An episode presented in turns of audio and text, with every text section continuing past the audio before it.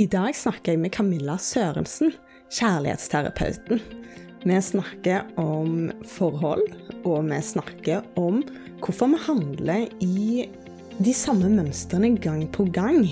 At det å faktisk bytte forhold eller gå ut av et forhold og inn i et nytt forhold, ikke nødvendigvis løser de problemene som du prøvde å flykte i ditt forrige forhold hvordan mye av dette har med fortiden vår å gjøre, og at vi har en tendens til å tiltrekkes ting som hjelper oss med å finne ut av ting inni oss sjøl, og ja, rett og slett hva som skal til for å ha et godt forhold, og psykologien bak dette her. Det syns jeg er innmari spennende. Vi snakker om de fem kjærlighetsspråkene, vi snakker om Gottmann, og vi snakker om noe som heter imagioterapi.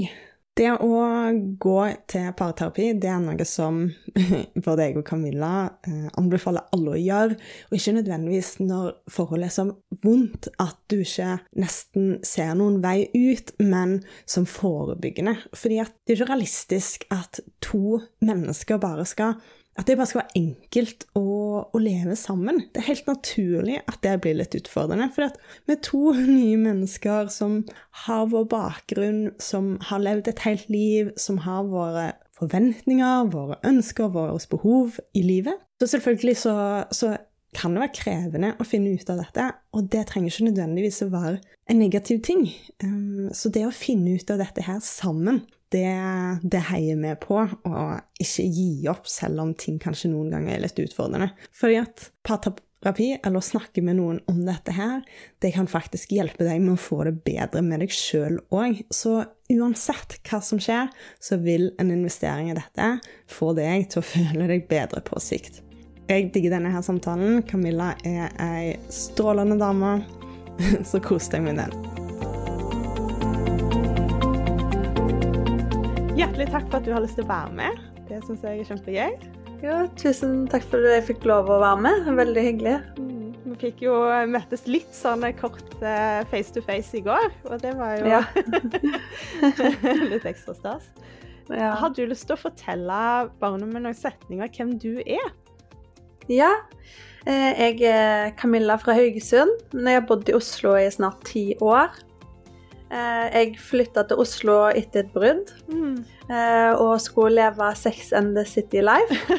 og det var, det var, noen veldig spennende år. Mm.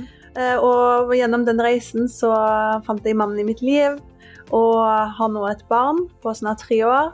Og er lykkelig gift. Mm. Vært gift i tre år.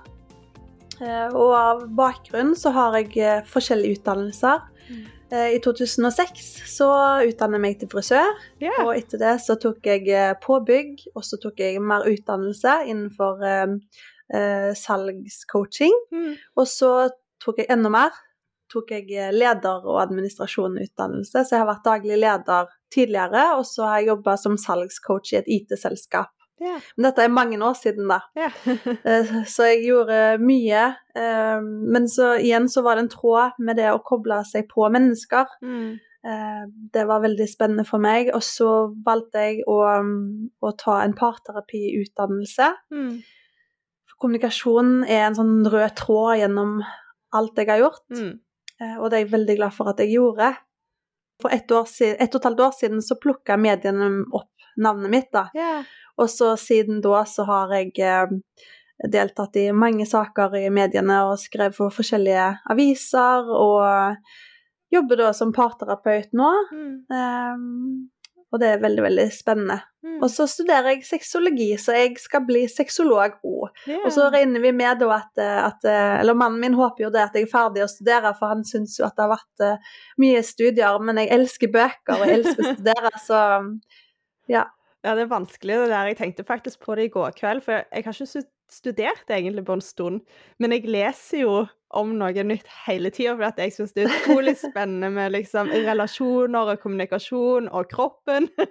Så ja. det er sånn studier, eller er det eller? Ja, men jeg skjønner det godt, jeg. Det er gøy med påfyll.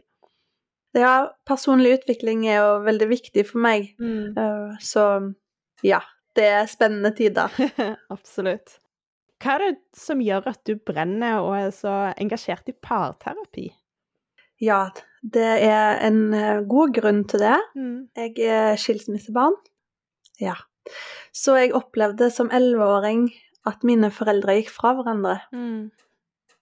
Og, og siden den gang så har jeg alltid eh, lurt på hva er det som gjør at par holder sammen? Mm. Fordi skilsmissestatistikken ligger jo på Den ligger mellom 47 og 48% i Norge nå de siste to årene. Mm. Så det er jo veldig mange som gjør dette her. Så det er jo normalt å gå fra hverandre. Så det har jo vært et spørsmål jeg har hatt siden jeg var liten. Mm.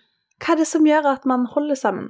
Og så har det egentlig ligget latent, og i vennegjengen eh, gjennom oppveksten min så har jeg alltid vært den venninnen som både gutter og jenter har kommet til med sine kjærlighetsproblemer. Yeah. Så det, og i familie, familierelasjoner òg. Tanter og folk har kommet til meg, for jeg har jo lest mye om kjærlighet gjennom hele, hele barndommen, oppveksten og voksenlivet. Yeah. Så um, det var bare Så ble det tiden riktig, og så tok jeg den utdannelsen, da. Mm. Jeg har hørt en del at vi har fått et litt sånn rart, eller forskrudd syn på hvordan parforholdet skal være av Hollywood. Riktig, At alt skal liksom være perfekt og fint, og Mm. at du ikke skal jobbe for det. Mm. Og så har jeg jo kanskje erfart når jeg har blitt eldre, at du må kanskje jobbe litt for det, og at det går litt opp og ned, og selv de som Mm. har gode forhold det ikke, De har ikke gode forhold bare fordi at det glir, men fordi at de investerer i det. Så, Ja. så jeg syns det er utrolig bra at det kanskje har blitt litt mindre tabulagt å snakke om problemer i parforholdet og søke hjelp, da. Ja, Mm. det, det, den syns jeg er veldig viktig, det du sier der, og jeg er helt enig. Hollywood og Disney, og når man leser bøker for barnet, Mm. så slutter det jo med Og så levde de lykkelig i alle sine dager. Mm. Det er jo ikke helt riktig, det. Hvem mener du at parterapi er for? så parterapi i gamle dager Mm. var jo veldig ment for at man skal reparere i en krise. Mm. At uh, det er gått så langt for paret at nå er det egentlig bedre, bedre brudd eller bedre parforhold for å fikse opp i noe, et problem. Mm. Det er jo det som, det er jo mange som tenker at det er det parterapi handler om, Mm. men det er jo den gamle ideen. Den nye ideen, denne generasjonen her, som jeg jobber for å, å, å bryte da, det tabuet, Mm. det er jo at man, man skal jobbe med parforholdet hele tida, egentlig. Gresset er grønnest der du vanner det. Mm. Du må vanne planten din for at den skal vokse og spire og, og, og gro, ikke sant?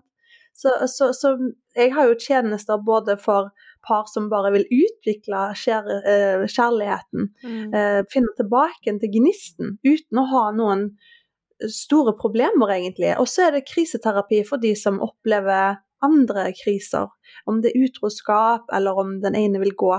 Så, så det er litt den måten jeg jobber på. Så i fjor så var jo, var jo de fleste klientene mine 35 pluss til 45 pluss. Mm. De som hadde store barn, Mm. eh, som kanskje hadde flytta ut, og så fant de ut at OK, nå har vi Vi kjenner jo ikke hverandre lenger. Men nå har jeg begge deler. Nå har jeg faktisk, den, den yngste jeg har hatt, er 22. ja. Så, så nå er det par som har vært sammen noen år, kanskje fått barn. Mm. og Så trenger de litt hjelp der, for de eh, kjenner på at verdiene er i endring. Mm. Eller så er det bare det at de vil utforske samlivet litt mer, og, og ut, ja, f.eks. utvikle sexlivet sitt. Mm. Det er jo noe som er et tema. Så det handler egentlig litt mer om å, å vanne gresset sitt. Mm. Mm. Hvorfor tror du at det har vært tabu før å gå til parterapeut, og hvordan har dette endra seg, og hvorfor? Ja, det, hvis vi skal se på det historiske bildet her, så er det mye som har vært tabu. Mm. Vi skal jo bare 60 år tilbake igjen i tid, til Mm. USA, eh, der vi hadde generasjonen eh, eh, 'gutter gråter ikke' og 'flink pike'. Mm. Eh, det, var, det var jo til og med forbudt for gravide kvinner å vise seg på, på skolen, barneskolen fordi at eh, de mente det at eh, man tenkte på sex når man så en gravid kvinne. Så man skal ikke så langt tilbake igjen. Det er helt utrolig. Shit! Eh, og en gravid kvinne kunne ikke vise seg på TV heller når TV kom, så det var en veldig spesiell tid. Mm. Eh, og man kunne jo også se det på fødsler, at eh, fødslene på den tiden ble håndtert eh, uten empati. Ja. Eh, så, så, så det har vært litt kaldere, Mm. kaldere tider, og det er jo kort tid siden. Mm. Eh, og det var snakk om at man skulle ikke Hvis barn gråt, så skulle du klappe dem på hodet. Mm. Det var ikke den der trøsten, fordi da ble barn bortskjemte ja. hvis du trøsta dem. ja. Så, så jeg tror det henger igjen derfra. Mm. Uh, den, den, nå skal ikke vi snakke så mye om religion, men, eh, men kristendommen har jo vært en faktor her. Eh, også den normen med at vi skal holde ting for oss sjøl, vi skal klare det i vårt eget hjem. Eh, og spesielt menn syns jo det er ekstra tabu Mm. å oppsøke hjelp. ja. Men menn er også generelt sett mer fornøyd enn kvinner i parforhold, så Ja. Interessant. mm. Det er ikke rart at hippietiden skjedde, Nei. sånn, Ja. Den motreaksjonen, og det, det er helt Mm. sykt å tenke på og se tilbake på. Vi Mm. trengte den tiden, og så trengte vi òg punktiden tiden som kom òg. Så Ja. det er mange tider og epoker vi har hatt siden da som har vært eh, veldig godt for oss mennesker. Eh, Ikke sant. Hvordan går du fram med de du hjelper, som kommer til deg? Ja, det er et godt spørsmål. Det er veldig variert, men første konsultasjon handler jo mest om å, å se om de blir trygge nok på meg, få med den kjemien. Det er jo ingen vits i å jobbe med en parterapeut hvis, hvis det ikke er noe kjemi. Mm. Men det går veldig greit, og eh, så det handler egentlig om å, å høre litt om hva forventningene deres er til at de er kommet til meg. Mm. Hvor har du funnet meg? Så Mm. snakker jeg litt om taushetsplikt. Og, og så forteller de litt mer om hva er det de ønsker. Mm. Eh, og, så, og så er det det å avdekke da i konsultasjonen hva er motivasjonen deres for å jobbe med parforholdet Mm. hvis det er sånn at det er et krise. Eh, Så, så det handler mye om å avdekke egentlig eh, hvorfor de er der, for å finne litt ut av hvor er det jeg kan hjelpe dem. Og så, og så handler det òg om å bare være der for dem, Mm. anerkjenne det som blir sagt, passe på at hvis de avbryter hverandre, at jeg med respekt setter de litt på plass. Eh, At de får øve seg allerede der, at, eh, at nå snakker nå snakker din partner, og vil du lytte litt sånn Ja, Mm. jeg trenger ikke fortelle akkurat hvordan de gjør det, for det kommer jo litt an på, men jeg kan òg være litt den som, den som er litt streng noen ganger. Hvis det blir oppheta, så må jo jeg være der og, og hjelpe til, sånn at Mm. de lytter til hverandre, da. Ja. Eller noen ganger så tar vi noen pusteøvelser, Mm. så hjertet dunker litt. Så sitter jeg sammen med de, OK, nå, nå kjenner vi at begge beina er godt planta på jorda, nå lukker vi inne, så tar vi en dyp pust sammen. Mm. Så, så det gjør vi jo av og til, så Det er nok viktig. mm. Sånn før podkasten, så noen ganger så eh, har jeg feil bare med tiden, eller så så skal jeg bare gjøre et eller annet i forkant, og så blir du litt sånn eh, smånervøs eller småstressa. Ikke nødvendigvis på grunn av samtalen, men på grunn av liksom ytre ting, eller tankene, da. Eh, Mm. Så det å lære seg til å roe ned før en litt sånn utfordrende samtale, det, Ja. det har så mye å si. Mm. Mm. Det har mye å si. Det høres veldig fint ut. Ja, og, og, og det som gjerne er veldig vanlig, da Nå er det ikke for å sette noen i boks, men mange av mennene som kommer, sitter gjerne litt sånn med, med hendene i kors, Mm. eh, og litt sånn anstrengt. Mm. Men så avsluttes timen gjerne med at de sitter bakoverlent i stolen og, og slapper av, rett og slett. Og det er så fint å se. Mm. Ja, det har mye å si å føle seg Mm. trygg i en sånn setting, og det er jo kanskje noe som veldig mange ikke har lært før, eller en setting som ingen har vært i. Ikke Det er helt riktig. Mm. Det, det er jo det. Du har nevnt at du bruker tre typer terapiformer. Imagoterapi, kjærlighetsspråkene og Gottmanns eh, verktøy. er det kanskje Ja. verktøy du kaller det? Ja, det, det jo øh, Jeg er jo en sånn terapeut som, som har øh, forskjellige retninger. Og så benytter jeg meg av det som jeg opplever er passende. mm. Så jeg har forskjellige terapiformer som jeg trekker tråder fra. Det kommer litt an på menneskene jeg jobber med, og det kommer litt an på problemstilling. Eh, er dette her et par der vi skal jobbe inn, inn i følelseslivet, Mm. så bruker jeg noe som heter EFT.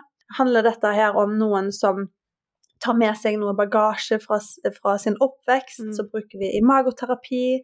Er dette personer som trenger hjelp med kommunikasjon, så det er godt med den. Mm. Så, så trekker tråder fra forskjellige eh, terapiretninger, rett og slett. Ja. Er det noe du ser benyttes mer, eller er det litt sånn balansert? Det er veldig balansert, Mm. men imago snakker jeg om alltid, uansett, bare, for- bare for å, å lære dem Mm. om den reaksjonen de får. Hvor kommer den fra? Ja. At de skal bli litt mer bevisst over at uh, deres bagasje Mm. har mye å si for hvilken partner du blir, ja. og hvilken partner du finner deg. Mm. Har du lyst til å fortelle litt hva imagoterapi er, for uh, Ja. oss som ikke kan så mye om det, og Ja. hvordan du bruker det? Ja. Uh, imago betyr jo bilde. Mm. Og jeg elsker imagoterapi. Det er så spennende. Eller jeg kan forklare det på den måten jeg snakker om det i terapi. Eh, Det er at i det limbiske systemet her, i underbevisstheten vår, så er det bilder. Mm. Så mago er det bilder. Mange bilder fra barndommen. Eh, Det kan være uttrykk, det kan være situasjoner og følelser av det du har opplevd gjennom oppveksten din, som, som lagrer seg her i underbevisstheten. Mm. Og gjennom hele livet så leter da hjernen etter en person som skal reparere de vonde tingene som har oppstått i ditt imago her. Så det vil si at når du får kjemi med en person, eller blir utrolig interessert i et menneske, eller kanskje med en gang så kommer den pilen og treffer deg, og så kjenner du at her, dette mennesket her, det må jeg ha i livet mitt, Mm. så er det noe som skjer i ditt imago, i underbevisstheten her.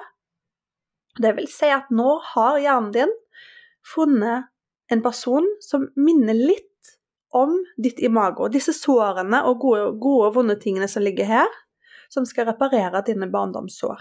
Mm. Så for at, fordi hjernens oppgave med å finne en partner er at disse sårene skal repareres Mm. for å komme til the next level. Fordi alle barn har sår fra barndommen. Men da må jo gjerne finne en person som minner deg litt om noen av dine omsorgspersoner. Mm. Så, så derfor ender man jo gjerne opp med en person som har noen av de feilene i gåsetegn fra våre omsorgspersoner. Mm. Så kommer det litt an på hva har man i bagasjen, da. Og er bagasjen reparert? Har du bearbeida det? Har du sett på, på disse bildene du har i ditt imago? Mm. Så det, det er utrolig spennende, og hver gang jeg forteller dette her i terapien, så ser jeg jo jeg at disse menneskene blir jo helt sånn Åh, er det derfor? Sånn. Og, og, jeg, og jeg får jo òg single i terapi hos meg. Jeg er jo egen terapeut. mm. Og, og det kan være personer som kommer til meg som opplever at det har vært brudd på brudd på brudd på brudd, og at de ser et mønster her. Mm. Så forstår de mønsteret sitt når jeg forteller dette, da. Mm.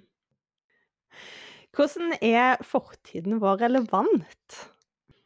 Den er jo veldig relevant i forhold til det som jeg nevnte nå. Så hvis vi går litt tilbake til imagoet vårt, Mm. så ligger det jo forventninger, og det fins jo sår. Mm. Og så er det det med at vi er vant til å bli elska på den måten, og det var det vi savna i forhold til kjærlighet. Så det er ulike eh, tematikker som ligger bak, men vi drar jo med oss gjerne et mønster inn i parforholdet. Mm. Og, og det er viktig for meg å kartlegge og avdekke hvordan var det foreldrene dine var sammen. Mm. Var de kjærlige? Mm. Hvordan viste de kjærlighet? Hvordan reparerte de i sine problemer, og hvordan kommuniserte de sammen når ting var utfordrende? Mm. Så kunne du noen ganger se at foreldrene dine ba om unnskyldning til hverandre. Eller gjorde de det etter du hadde lagt deg? Fortell litt om hvordan de, hvordan de løste sine konflikter. Mm.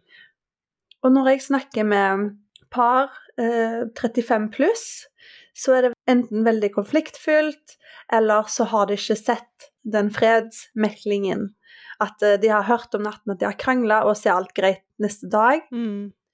Men når jeg snakker med yngre par, så ser jeg at veldig mange opplever og har hørt at foreldrene har bedt om unnskyldning, at de har blitt litt inkludert inn i konflikten, ikke på en dårlig måte. Det Mm. kommer jo litt an på, selvfølgelig, men jeg ser at jo yngre par jeg snakker med, jo mer kan de om det å løse konflikter, fordi foreldrene deres har lært i det. Mm. Så det er det er liksom generasjonsskifte. Riktig. Mm. Akkurat. Spennende. Mm. Ja, men det, det er veldig artig når du sier disse tingene, for at jeg òg kan på en måte jeg, jeg begynner liksom å visualisere ting fra barndommen, og så ser jeg jo Mm. òg liksom mine og kjæresten min sine foreldre i oss, og hvordan, Ja. hvordan våre relasjoner er. Og det du, det er jo ingen som har lyst til å høre at du blir som foreldrene dine, men du blir jo i stor grad det hvis du ikke med det selv. Så det, ja, er veldig sant. Hvorfor er det sånn at vi blir sinte og lei oss i parforholdet på en måte som vi kanskje ikke blir i andre relasjoner? Ja, det er jo et veldig godt spørsmål. Da går vi jo litt tilbake til barndommen igjen. Og, og det som jeg sier her, er jo ut fra Hardwell Hendricks, som jobber og har oppfunnet da, Imago, Mm. og òg Gottmann eh, har tatt dette her litt opp. Så et spørsmål som jeg stiller da i terapien for å gjøre dette litt enklere å forklare, er jo da Kan du huske tilbake igjen en hendelse i din barndom der du opplevde at du ikke fikk det du trengte? Hvis du skal gå tilbake inn dit og, og reflektere litt over hva tenkte du, og hva følte du, og hva gjorde du? Så da kan det være sånn at jeg får høre nei, da var det ramaskrik, og jeg slengte igjen dører. Eller så var det sånn nei, jeg sa ingenting, jeg bare stengte av. Mm. Så folk reagerer, reagerer jo forskjellige. Mm. Det som er veldig vanlig, er å flykte eller å gå til kamp. Mm. Og dette her tar man jo med seg inn i relasjonene sine. Det er det som gjør det litt annerledes fremfor vennskap. Da for eksempel da at relasjonen blir de barndomssårene da igjen. Mm. Så vi klarer rett og slett å håndtere konfliktfylte situasjoner litt mer rasjonelt når det ikke er med partnerne våre. Ja, Mm. riktig. For det er jo det, er det som treffer oss Mm. rett, rett i barndommen, rett og slett. Mm. Det er litt sånn rart at det liksom skal være så stort skille. Ja. Mm. Men er det sånn da at vi rett og slett En, en like konfliktfylt situasjon på arbeidsplassen, eksempel, så klarer Mm. vi å holde oss mer nøytrale, eller eh, hva, Er det noe Det finnes jo ulike personligheter, Mm. helt klart. mm. Og om man har mye indre uro, har jo, kan jo òg spille ut på en faktor her. Og, og har man mye bagasje Mm. altså Det er jo mange ting som, som gjør at man kan reagere sånn som man gjør. Mm. Og da, kom, da er det litt mer en psykolog som kommer inn i bildet og, og, jobber litt med den der indre uroen og hva det er som gjør at det er vanskelig på arbeidsplassen, eller den type ting. Mm.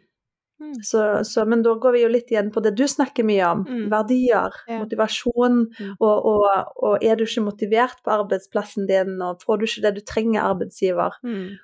Når vi ikke følger våre verdier og vi ikke er motivert, Mm. så, så, så blir vi jo en dårligere utgave av oss sjøl pga. lykkefølelsen dempes. Mm. Som igjen gjør at vi produserer stresshormonet kortisol, Mm. som igjen eh, setter oss i fare når det kommer til sykdommer utvendig og innvendig, fordi immunforsvaret går jo ned. Mm. Så det henger jo sammen. Ja, det gjør jo det. Jeg har hørt en del at det er mange som står i konflikter på arbeidsplassen eller i andre relasjoner hvor de ikke er avslappa nok til å egentlig si det de vil. Sånn at når Ja. de kommer hjem til partneren og Ja. familien, og de bare gjør én liten ting, så er det bare Så Ja. ramaskrik. Det var liksom det som skulle til, da. Men så handler det egentlig ikke om nødvendigvis den personen, men Det går utover det nærmeste. mm, da der tør vi liksom å Ja. vise reaksjonene. Mm. Hvorfor hjelper det da ikke alltid å bytte partner? Det er jo, da er det jo tilbake igjen til det med imago, fordi vi tror jo at vi skal forandre partneren. Mm. når mange kommer til meg, så, så er det et ønske om at jeg skal fortelle at partneren gjør noe galt, Mm. eller eh, gjør noe feil. Mm. Men det handler jo egentlig om hva vi har med oss inni oss sjøl. Mm. Hvilken bagasje er det vi har med oss? For det er jo vi som har med et mønster inn i parforholdet. Mm. Så vi må jo bli bevisst over hva vi har med å ta oss inn i parforholdet. Fordi det er jo når vi tar et steg mot partneren, at partneren kommer etter. Mm. Men hvis vi sier at nå må du komme hit, så, så blir, det jo, blir det jo motsatt effekt. Mm. Så, så når du starter med deg sjøl, så, så åpner du opp et mønster, og så kan den hilende prosessen for parforholdet starte. Mm. Men hvis du ber partneren starte, men du gjør ingenting sjøl, så, så får du ikke helt det du, du håper på, da. mm. Det er spennende. Er det mange, eh, hvordan reagerer folk når de får høre dette, når de kommer til deg? Nei, det er noen er tenker at det er helt fair, Mm. det, den ser jeg. Mm. Eller eh, så blir man overraska, er det sant? Mm. Men ser du ikke hva han gjør? Eller, ja. ja. eh, Men, eh, men det går veldig fint, altså. ja. Det gjør det. Og det blir jo forstått. For jeg gir jo en øvelse allerede etter første konsultasjon. Mm. Og hvis de er flinke å bruke øvelsen, Mm. når de kommer tilbake til meg neste år 'Å, du hadde jo helt rett, Camilla'.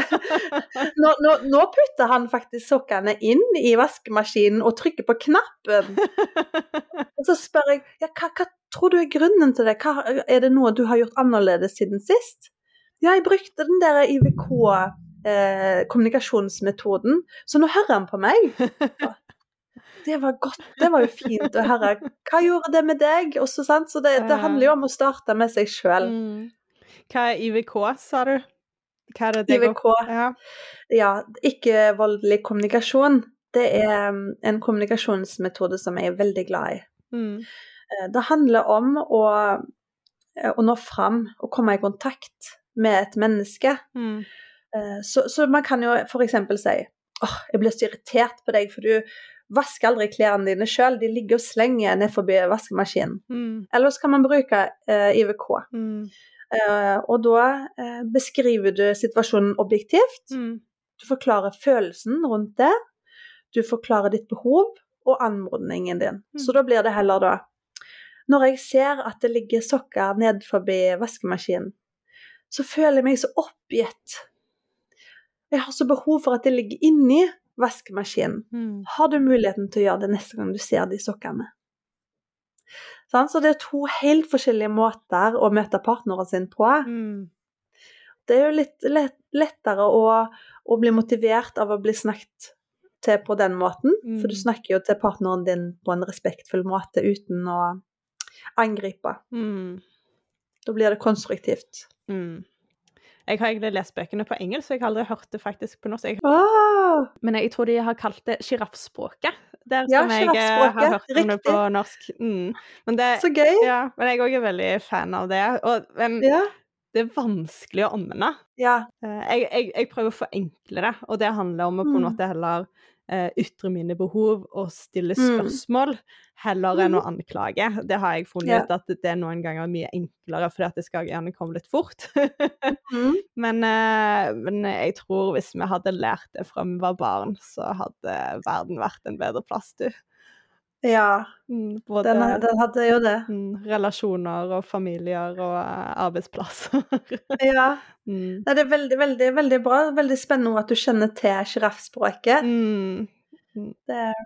Og, og så handler det jo om å, å kjenne igjen når, når temperaturen stiger. Mm. Når hjerterytmen dunker. Mm. For, for det måten du sier det på, det har jo litt å se hvordan du blir møtt òg, Så hvis du er sur Mm. når du bruker IVK, Ja. så, så er det ikke sikkert det nytter da heller. Nei. Nei, det er sant. Det er når du har en oppheta diskusjon, og så plutselig snur du om til å snakke på den måten, så vet jeg ikke helt om det, det, det redder alt. Men eh, det kan jo forbedre. Jeg ble litt nysgjerrig på de spørsmålene dine. Ja. Eh, Når du nevnte om IVK. Eh, nei, det var egentlig ikke noe konkret. Jeg mente mer at Nei, eh, det, det er kjempespennende, og jeg, jeg kjenner jo Ja. at det er noe jeg har lyst å mestre. Det er ikke noe som er enkelt å mestre, fordi at det er ikke sånn jeg er opplært til å snakke. Og det er ikke sånn folk rundt meg har snakket. Men eh, jeg ser jo at det er veldig nyttig. Og jeg ser òg i vårt forhold, når jeg snakker på en respektfull måte og stiller spørsmål, eh, og ytre mine behov, så, Mm. så når det mer fram. Ja. Men så er det òg en del som ikke er vant til at du ytrer dine behov, som kan Ja. synes at det er litt sånn slitsomt og uvant. Men uh, jeg tror det er framtiden. At vi kommuniserer mer basert på våre behov og ønsker, da. Um, og at vi empatisk går inn og faktisk prøver å forstå motparten. For det er jo det det òg Mm. handler om, og det kan jo avvæpne ganske mange konflikter. Når du prøver å forstå hva motparten din egentlig føler, og hvorfor, Mm. hvorfor de reagerer sånn som de reagerer, da. Ja. Mm. Nei, det, det, er jo generasjonsskifte, som du sier, så det, det, det er gode tider framover. Mm. Håper det. Ser du stor forskjell liksom, på mange ting innenfor ulike generasjoner? I forhold til hvordan par er, og kommunikasjon? Ja. Eh, Det vil jo alltid være noen som kommer fra et konfliktfylt hjem. Det vil det være. Men, men det, det betyr ikke at man, at man kommer til å bli en konfliktfylt partner. Mm. Altså, vi har jo en hjerne Vi mennesker er jo homo sapiens. Vi, jo, vi har jo så stort utviklingspotensial, og vi kan jo bare Vi kan jo gjøre så utrolig mye med vår hjerne. Mm. Så, så det har jo hendt at noen har kommet til meg og, og forteller da Jeg kommer fra et hjem som har vært sånn og sånn. Mm. Og, og så anbefaler jeg da kanskje å gå til psykolog ved siden av å komme til meg og jobbe litt mer med kjærlighetsspråk for seg sjøl. Mm. Og så gå til psykologen for å, å kikke litt mer dypere på historien sin. Mm. Og, og det er jo ikke sånn at fordi man kommer fra et konfliktfylt hjem, at man blir en dårlig partner, fordi man kan velge sjøl, Mm. rett og slett, når du, når du blir eldre. Mm. Du kan velge hvilken person du vil være, Mm. men det, det krever litt jobb og, og litt trening. Mm. Eh, Og så at man finner en partner som aksepterer deg for den du er. Mm. Det er mange som er sammen med, med mennesker som ikke en har godt av å være sammen med. Mm. Så ja, det vil jo alltid være sånne, og så vil det være det, det er to grupper her. Mm. Så er det de som finner hverandre og er sammen hele livet, og ja. Det, det er forskjellig, Mm. men, eh, men generasjonsskiftet det har jeg sett ganske tydelig. Mm. Du nevnte kjærlighetsspråk. Hva, Ja. hva er kjærlighetsspråk, og hos, hvorfor er de viktige? Ja. Kjærlighetsspråk, det er veldig, veldig spennende. Um, når par kommer til meg, så, så hører jeg gjerne ofte at 'jeg føler meg ikke elska'. Og så sier partneren, om det er en mann eller kvinne, 'ja, men jeg viser jo deg kjærlighet hele tida'. Og så stiller jeg noen spørsmål. 'Vil du fortelle meg om hvordan du viser kjærlighet?' Mm. Så forteller kanskje partneren 'ja, jeg går på butikken og går ut med søpla', og sant? så Mm. gjør sånne tjenester. Og så sier eh, kjæresten da kanskje at 'ja, men du sier jo ikke at du elsker meg'. Mm. Og bare der så, så hører jeg aha, så ord er viktig for den personen, og tjenester er viktig for den personen. Og så jobber vi litt med det. Så stiller jeg noen eh, spørsmål inn til det. Eh, og så kan det hende at den personen som viser kjærlighet med å gjøre tjenester, uh, forteller partneren sin at ja, du sier jo at du elsker meg, men når gikk du med søpla sist? Mm. Så her er det en liten sånn her er det noe som par, Da går jo parterapeuten inn her og forklarer litt om kjærlighetsspråk. Mm. For det handler jo om hvordan viser du kjærlighet, og hvordan føler du deg elska. Mm. Og da har man jo gjerne forskjellige kjærlighetsspråk, eller så kanskje har man samme, men det er veldig vanlig å ha ulike, og, og gjerne kanskje ett felles sekundært. Mm. Så jeg, mitt, mitt primære kjærlighetsspråk er anerkjenne ord, Mm. så jeg er utrolig glad i å bruke språket mitt. Så når jeg skal overraske min mann, så er det jo bruker jeg kommunikasjon, men så vet jo jeg igjen hva som er hans kjærlighetsspråk, så Mm. da har jeg fokus på det, fordi om vi har ulikt kjærlighetsspråk. Mm. Og så har jeg et sekundært kjærlighetsspråk som var tid før korona. Ja. Er det ikke det nå lenger? Nå er det litt mer tjenester. Mm. Så, så, så det, kan, det sekundære kan Det flyter litt, dette her. Mm. Det kan komme fra barndommen òg, men, men at når man blir voksen, så kan det flyte litt. Så, Mm. så før korona så var det tid sammen, for da hadde vi så mye annet å gjøre. Mm.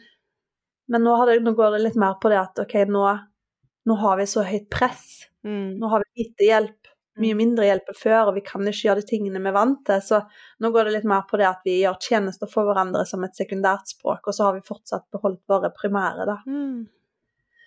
Så, så du har jo um, anerkjennende ord, så har du fysisk nærhet, tid, tjenester og gaver, som er fem ulike, da. Mm. Så kan du så kan du sjonglere litt, men det er veldig vanlig å beholde sitt primære. Mm. Og så kan man jobbe litt med det sekundære, da. Ja, det er interessant. Ja, det som eh, jeg kanskje syns er spesielt interessant, er at to personer kan ha samme kjærlighetsspråk, men vel, ha på en måte ulike dialekter. Sånn at du Ja. tror at du liksom eh, gjør det du skal, men så gjør du ikke det allikevel. Og bare, Jeg Mhm. husker i starten så trodde jeg at tid handla om å tilbringe mest mulig tid sammen.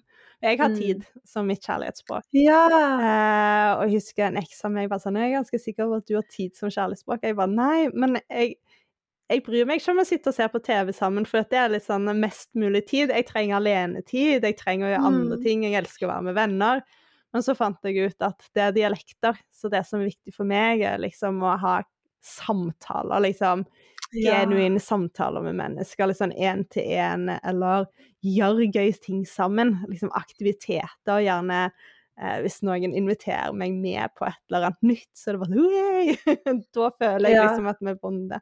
Men sammen med en partner, da. Mhm. Men sant, så er det jo sikkert andre som da har det å sitte og bare sånn og se på TV sammen. Det er liksom Det er nok. Det er jo samme som meg, det, Mm. før korona. Ja. jeg tror ikke mitt har endra seg. Nei. Nei. Nei, kjærlighetsspråk er det, det er veldig nyttig, og jeg tror hvis du forstår det i et forhold, så det er så mange ting som plutselig gir mening. Bare sånn aha-opplevelser. Det kan, det kan være så mange misforståelser, eller to personer som har for eksempel ord og, og tjenester, da. Så kan jo òg den ene sitte og si ting, og så er den andre sånn Ja, men vis meg! Ikke si, men vis meg! Så det Ja. Det er spennende. Alt som handler om relasjoner og mennesker, eh, det, det er spennende. Men sant, så er det jo òg for sånne brent barn skyr ilden, eller hva det heter. Ja, når du har brent deg i et forhold at du ikke har lyst til at det skal skje igjen, da, og så innser du at mm, det er mye som kan reddes ved å jobbe med det, og at ting ikke bare kommer av seg sjøl. Mm. Og så har jeg sånn stor frykt for å få et forhold som eh, blir like vondt som et av de som ligger bak meg, da. Mm. Mhm. Mm. Jeg har selvfølgelig delt denne episoden i to fordi at vi er noen skravlebøtter. Hvis du liker denne episoden, så lytt veldig, veldig gjerne til noen av mine andre podkastepisoder. Jeg har intervjua noen av de kuleste damene i Norge, så her er det masse inspirasjon å finne. Jeg bare kjenner meg så beæra som har fått lov til å snakke med dem. Og jeg håper at du òg virkelig kan finne noe i disse samtalene som gjør at du tør å ta valg som er rett for deg, at du tør å kanskje ta tak i noen ting som ikke funker helt, sånn at du får en hverdag som du trives med, både på jobb og i hverdagen. Det er veldig mange ulike episoder, men det de fleste handler om, det er hvordan å nå mål, og hvordan å gjøre det som er bra for deg, samtidig som du gjør noe som er bra for samfunnet. Og Derfor så har jeg stort fokus på temaer som mental helse, helse, likestilling, bistand og bærekraft. Dette er temaer som jeg syns er kjempespennende og så viktige i den verden jeg lever i. Og det håper jeg at du òg syns, og derfor la deg inspirere. Sjekk meg ut på sosiale medier. På Instagram så heter jeg Magefolsen med OE.